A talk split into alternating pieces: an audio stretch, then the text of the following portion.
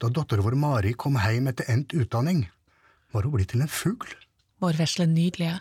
Vårt ett og alt. Hun hadde ikke hatt det så lett de siste to åra da hun tok masteren i kunsthistorie i Göteborg.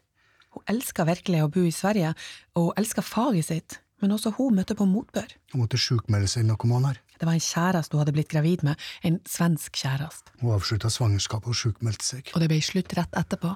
Ja, vi møtte han en gang. Ja, Han virka grei nok, kanskje litt vel opptekende med bøkene sine. Det hadde sett henne helt ut, og det var noe nytt for henne, at livet kunne få slik negativ innvirkning på henne, både psykisk og fysisk.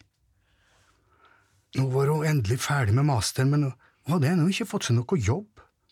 Hun var blitt annerledes. Ja, annerledes. Tynnere i ansiktet. Hele kroppen var tynnere, lengre. Hun tok med flyttelasset og flytta ned i kjelleren til oss.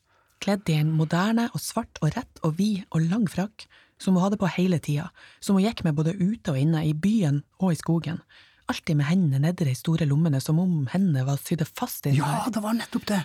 Hun var blitt til en fugl. Eller var det bare det at hun var blitt voksen? Det var vi som kjørte flyttelasset hennes hjem. Der skulle hun bli til hun hadde funnet seg noe. Vi hadde gleda oss slik til at hun skulle komme, men vi var jo også spente. Vi hadde jo ikke hatt det her på over ti år, og nå skulle vi ha trø oppi hverandre.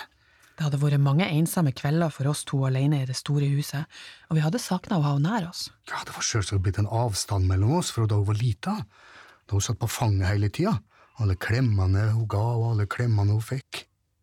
Nå var det andre som skulle ha klemmer. Hun var blitt voksen med ansvar for sitt eget liv. Vi visste hvor vanskelig det kunne være. Ja, og da var det godt at hun kunne være her. At hun kunne spørre oss om råd, at vi kunne være her for henne. Tenk alle de telefonsamtalene vi hadde hatt med henne, lange diskusjoner om alt fra lokalpolitikk til barneoppfostring. Nå kunne vi sitte i samme rom og snakke lenge sammen, og når det var blitt seint, så skulle vi legge oss i hver vår etasje, men inne i det samme huset. ligge der og sove. Tre hjerter under samme tak. Du har hørt utdrag fra Vår vesla av Kristin Auestad Danielsen. Dette er en podkast fra Dramatikkens hus 2019.